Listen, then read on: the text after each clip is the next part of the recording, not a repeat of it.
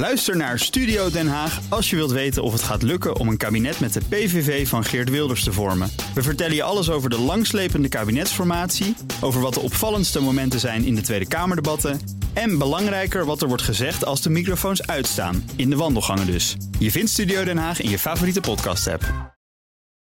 De wereld volgens Hammelburg. Het wereldnieuws in vijf vragen. Boris Johnson is de luis in de pels van de Britse premier Theresa May. Mary Smith stelde de volgende vragen. Vraag 1. Gaat Boris Johnson Theresa May van de troon stoten? Als je afgaat op de enorme herrie die hij maakt, zou je het bijna denken. Die herrie ontstond toen hij aftrad als minister van Buitenlandse Zaken uit onvrede met het zogenoemde Checkers-akkoord. Dat was een overeenkomst van het kabinet met de top van de conservatieve partij over een Brexit-voorstel aan de EU om het vrije verkeer van goederen te behouden. Het opmerkelijke was dat Johnson dat akkoord eerst had goedgekeurd en er meteen daarna met theatraal gespeelde walging afstand van nam. Toen dachten veel mensen: dit kost Theresa de kop en stuurt Boris naar de top. Maar de partij steunt toch in meerderheid mee. Vraag 2. Wat voor premier zou Johnson zijn? In elk geval een geestige, want hij beschikt over een enorme dosis van die opmerkelijke Britse humor. Maar inhoudelijk is hij een blaaskaak en die humor deugt vaak niet. Bijvoorbeeld zijn kwalificatie van vrouwen met boerka, die hij wandelende brievenbussen noemde. Zijn brexit-beleid is niets doen en de zaak laten vastlopen in de verwachting dat er dan mooie handelsakkoorden komen met bijvoorbeeld de VS en China. Europa kan zogezegd doodvallen. Vraag 3.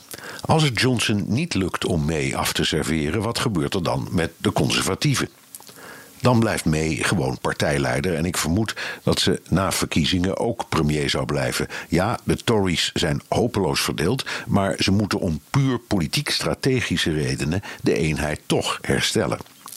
Vraag 4. Hoe staat de Labour-oppositie van Jeremy Corbyn ervoor?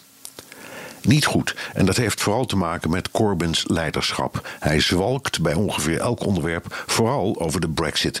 Het is mij een raadsel wat hij gaat doen als het op een definitieve stemming over een Brexit-akkoord komt. Bovendien is hij verwikkeld in een onsmakelijke discussie over zijn onmiskenbaar antisemitische uitspraken in het verleden, waarvan hij niet echt afstand neemt. Vraag 5.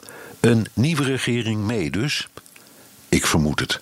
Al zijn de verhoudingen fragiel. In het lagerhuis steunt de conservatieve partij op de steun van de Noord-Ierse conservatieven. Bepaald stabiel is dat niet.